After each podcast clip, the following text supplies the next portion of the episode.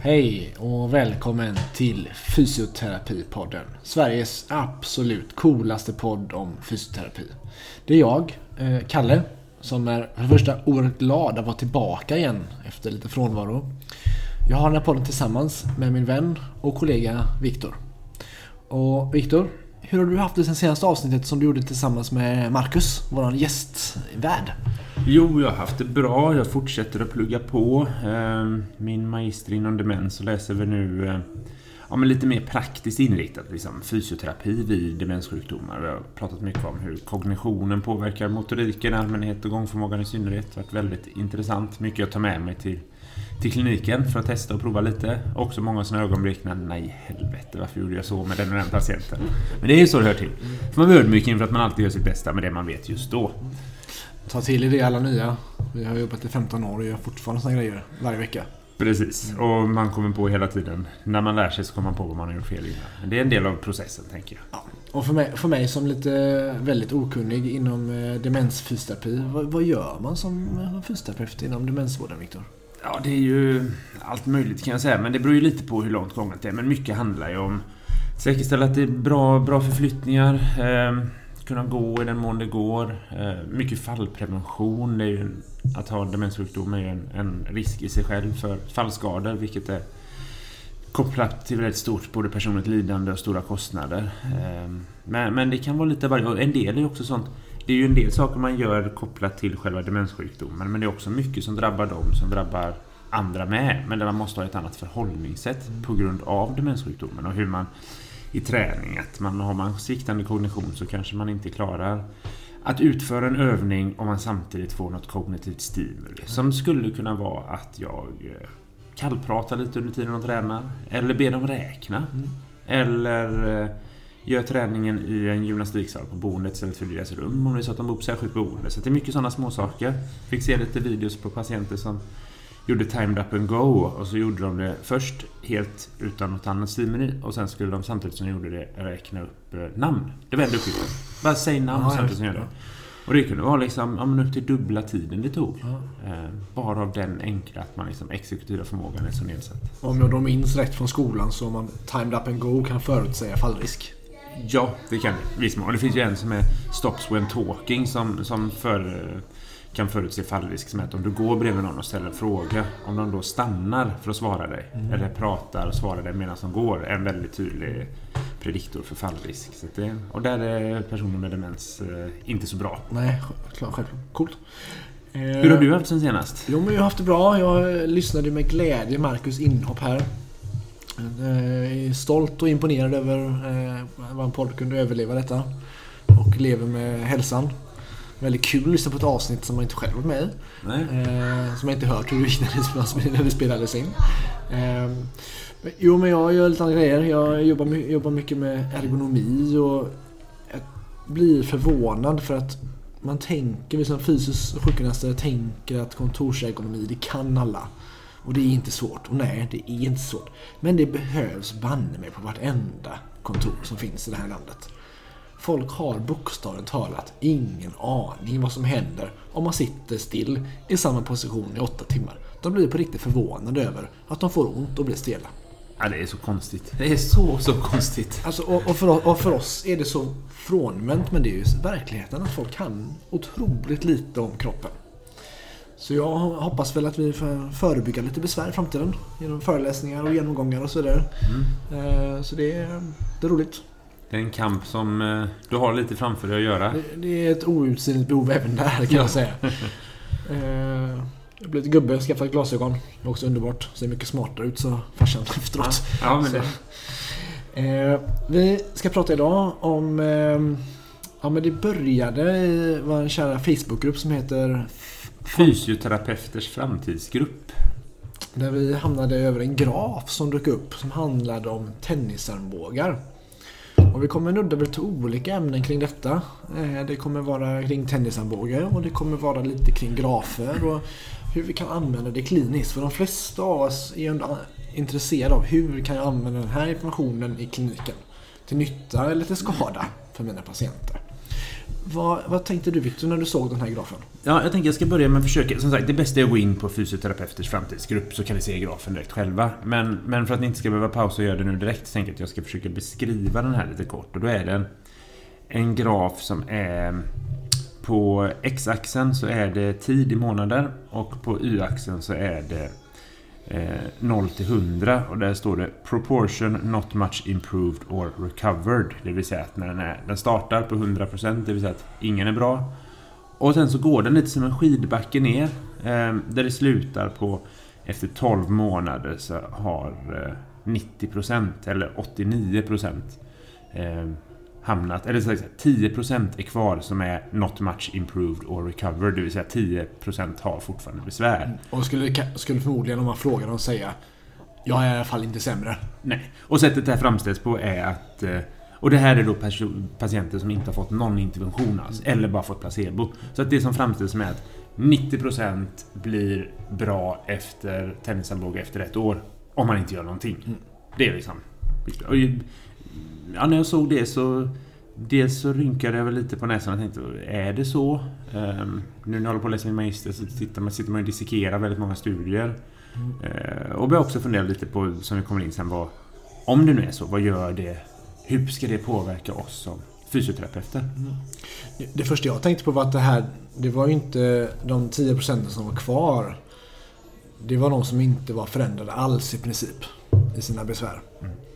Um, och det betyder att 90% ungefär hamnar inte i den gruppen. Men det betyder inte att de är bra. För vi, an, vi, vi, har inte fått fram den. Vi antar att den här skalan är minst fem steg i. Ja, de är ju improved. Ja. Det, och det ger ju utrymme till viss tolkning. Och förmodligen ingår det även till exempel som ett somewhat improved. Som är kanske lite bättre. Mm. Men det första man ska göra som jag gjorde, det är att alltid gå in och läsa själva artikeln. Mm. Eh, och inte då helst bara först abstractet. Det är bättre än det lilla utkastet man får av en graf. Men, men sen läsa själva artikeln i fulltext. Det, det tar kanske en eh, 10 minuter, en kvart och kan vara en del bökig term, liksom fackengelska att ta sig igenom. Men, men det är det värt för att se. Eh, och, och, som sagt, ett intressant där kan ju vara hur många personer är den här studien gjord på. Ja. Och det, det, var ju en, en metaanalys, eller en systematisk översiktsartikel med metaanalys. Eh, och de har totalt hade 24 studier som man har inkluderat, mm. om jag minns rätt. Och det var dessutom, och i de här 24 studierna så var det totalt 1085 patienter. Som inte hade fått någon behandling mm. helt enkelt. Så de, det man gör, alla kanske inte vet vad, hur en sån här studie går till, så är att man tar massa studier som har gjorts och plockar ut data från var och en av studierna och sen slår ihop det till en gemensam. Så då tog man 1085 patienter som inte hade fått någon, någon aktiv behandling och så såg man datan på dem och satte ihop här. Och det första jag tänkte på då var att det är för det första 24 studier och 1000 patienter. Det är inte särskilt mycket. Det är det inte. Det är inte jättemånga per studie. Nej. Vad blir det? 40 för, någonting? Ja, något sånt va?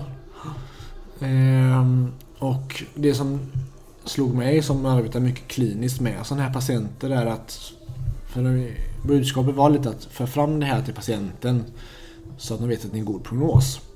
Och det är såklart ett jätteviktigt budskap att det är patienter som har eller som söker oss med tennisarmbåge att det är en god prognos. Mm. För de flesta.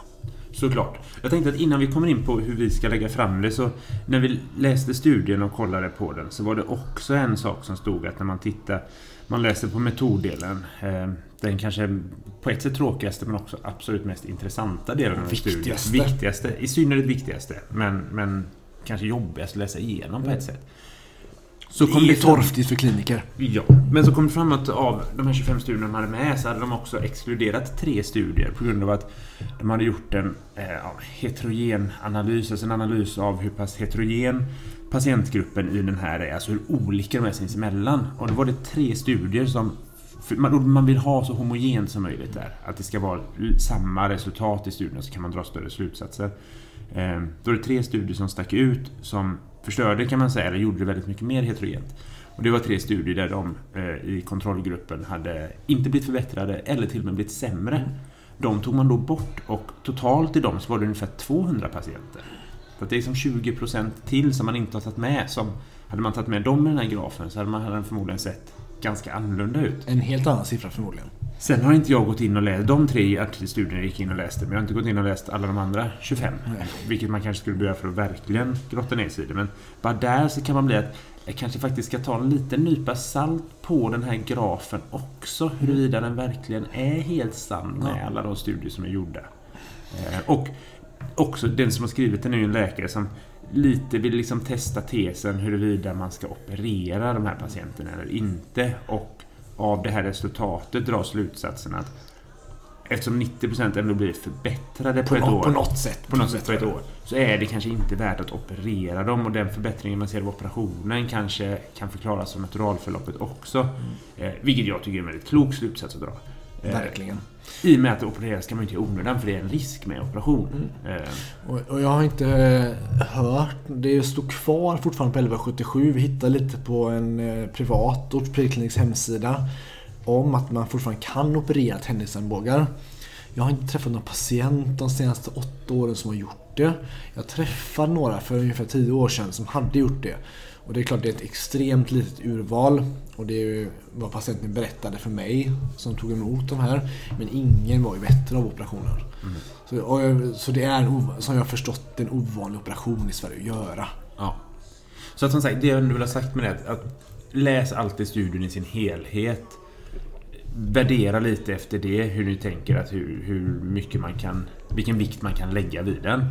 Eh, Men, men jag tänker att med det så kan vi släppa själva den liksom, den tekniska delen om hur studien utfördes. Men om vi, för att om vi accepterar den här grafen som 100% sanning Ja. och säger dessutom att de 90% inte är då bara improved utan är liksom fullt återställda. Mm. Inte att de är bara lite bättre utan alla där är fullt återställda efter ett år. Vi Vilket, att det, vilket då faktiskt inte är sant. vilket inte är sant, Nej. men för vår fortsatta arguments Ja. skull så tar vi det.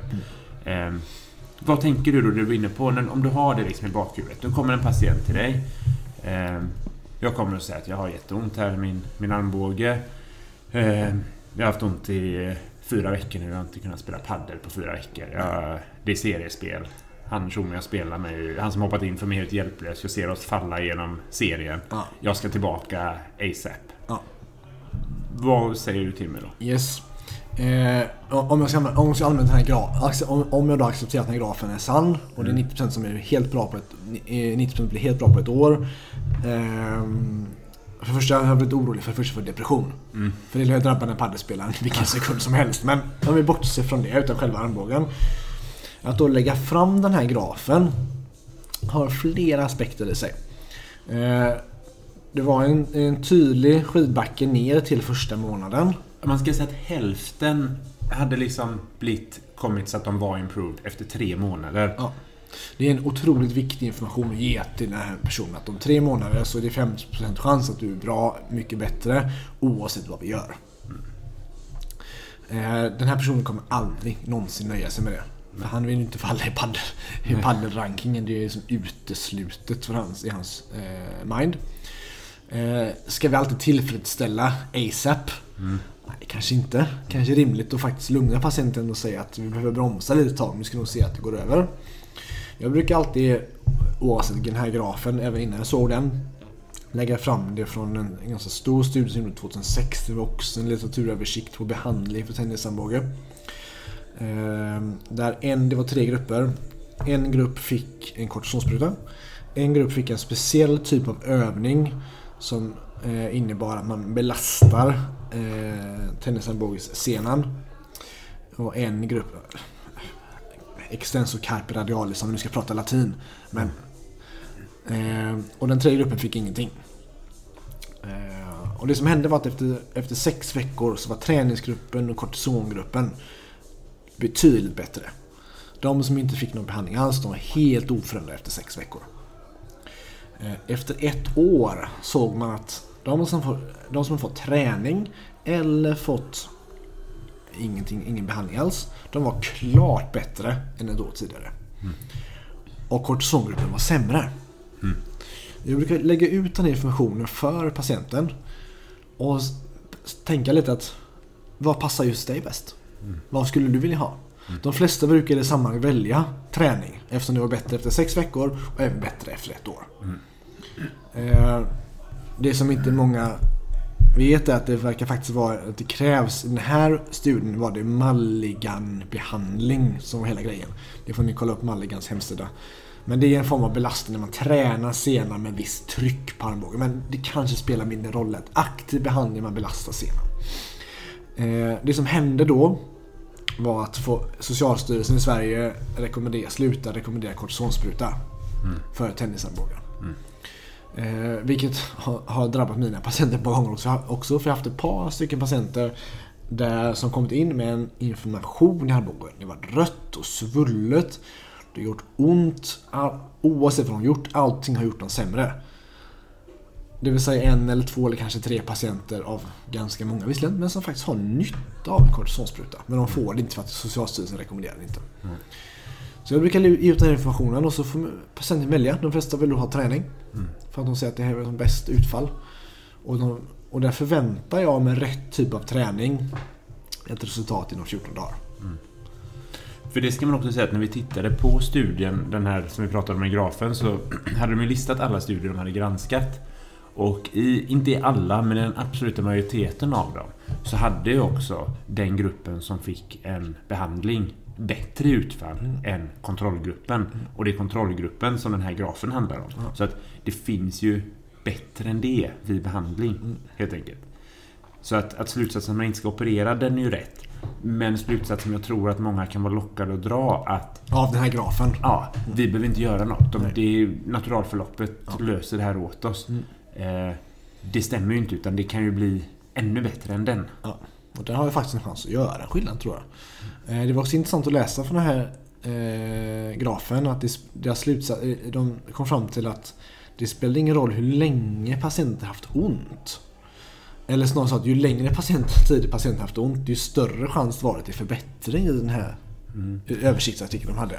Och det ställer till det lite också för i min hjärna, helt talat. Ja. Hur man ska använda den informationen. Ja, det blir väldigt konstigt. Där undrar jag också om det här det är ju 90% blir bra inom ett år. låter ju jättehögt. Mm. Man kan ju också säga att en på tio mm. har inte blivit förbättrad på ett år. Överhuvudtaget. På ett år. Det är ju inte så himla muntert. Om man säger det från det hållet. Och frågan är då om den här... För de hade inte sett någon skillnad på studierna som hade patienter som hade haft ont länge innan eller som hade nyligen innan. Man skulle ju kunna gissa att av de som har haft ont länge innan så finns fler i de här 10 procenten ja. som under det året från att studien började testa behandling och inte behandling ja. fortfarande har sina problem. Ja. är ju ett rimligt antagande. Men, det verkar inte vara så. nej, men det är svårt att veta säkert. Men där, där skulle man börja titta på de enskilda studierna för att kunna se på de siffrorna också. och hur säger man till patienter som har haft ont i tre, så här, Du sa att du har haft ont i fyra veckor. Mm. Men den här informationen om att det, ju längre tid man har haft ont, ju fortare blir det bra. Mm. Nej, det blir jättekonstigt. och också att... Ha ont i tre år, sen blir det kanske bra fort. det blir väldigt märkligt alltså. Och eh, då måste man ha varit en del av de 10 procenten första året. Ja, den, ja. Den, är, ja, den är svår. Jag tror vi får bortse från den. Det är ja. något, något konstigt där. Och klart, att, sen vet vi att det här är det man kallar för Hawthorne-effekt. Att är man med i en studie, oavsett vilken, vad studien handlar om, så blir man ofta bättre. Ja. Eller många blir bättre av att bara vara med i en studie. Och det är klart att det finns många anledningar till det. Uppmärksamheten det innebär, men också såklart att mm att du har ansökt om att få vara med. Du har liksom frivilligt gått in i studien. Ja. Vilket kanske också pekar på att du nu vill ta tag i det. Även om du sen ja. får kontrollbehandling kan ju vara fejkakupunktur eller ja. något annat. Eller vad det nu må vara då. Ja. Så det, det, om vi nu utgår från att den här är sann, eh, den här grafen. Så skulle vi kunna säga till patienten att låt det här... Paddel i fyra veckor, du har haft ont i fyra veckor, du kan inte spela paddel. Hälften är bra om tre månader. Eh, men vi gör ingenting åt det för vi låter det vara. Mm. Och sen om ett år ska du se. Då, kommer du, då är 90% chans att du är mycket bättre. Mm. Och man får ju inte blanda ihop äpplen med päron där att undvika eh, operationen, Nej. kirurgin. Det är ju bra för att kirurgi innebär en risk. Ja. Hade inte det inneburit en risk då hade det inte funnits en anledning att, att undvika det. Nej. Ja, möjligtvis en ekonomisk. Ja. Men fysioterapi och liksom, träning till exempel. Eller om du nu har att du testar, vad vet jag, manipuleringar. Ja, eller vad, vad, vad det nu är. Vara, liksom. Har det inga bieffekter annat än kostnaden för terapeutens tid. Ja. Så är det ju även en minsta förbättring mm. så det är värd att göra.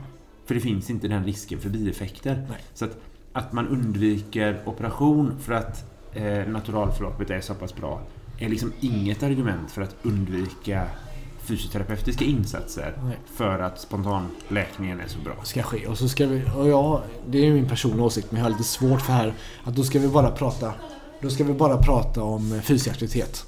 Mm.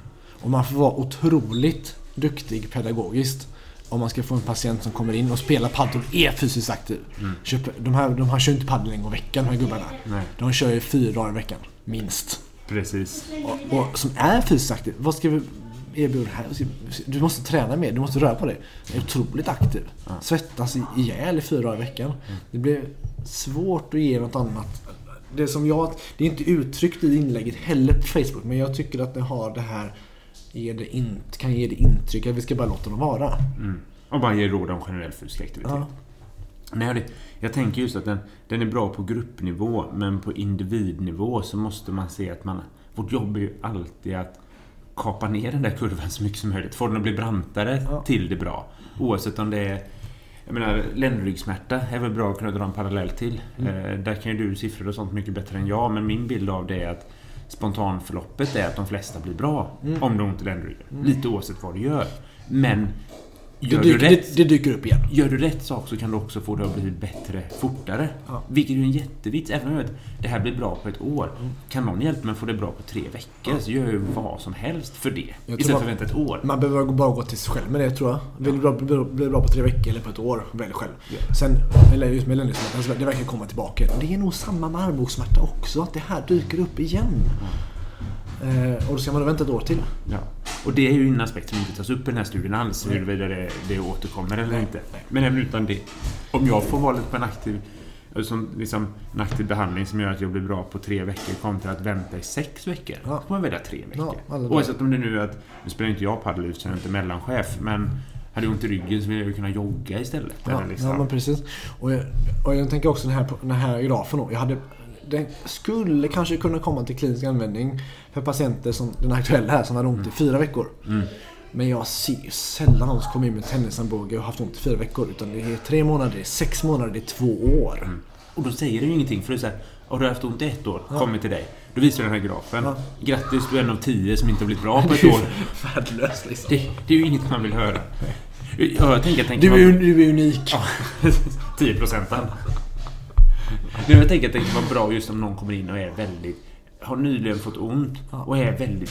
Alltså, så här, en del människor är ju, har ju lite katastroftänkande, tendenser till det. Nej, det här kommer aldrig bli bra. Jag kommer aldrig kunna spela padel igen. Eller fan, jag är sjukskriven på jobbet nu. Jag kommer aldrig kunna jobba med det här igen. Jag kommer inte kunna försörja mig. Nej. Fan, räntorna går upp. Jag kommer inte kunna betala amortering. Nej, det, jag kan, måste det, flytta. kan, det kan snurra på fort En del sådana patienter har jag träffat. Där, från att de har ont i armbågen, så kommer de in och är helt förtvivlade för att de måste flytta från sitt hus. Ja, ja men absolut. Ja, men så är det. Och då kan det vara bra med en sån här lugnande vi ska göra något för att göra det här bättre mycket fortare. Ja.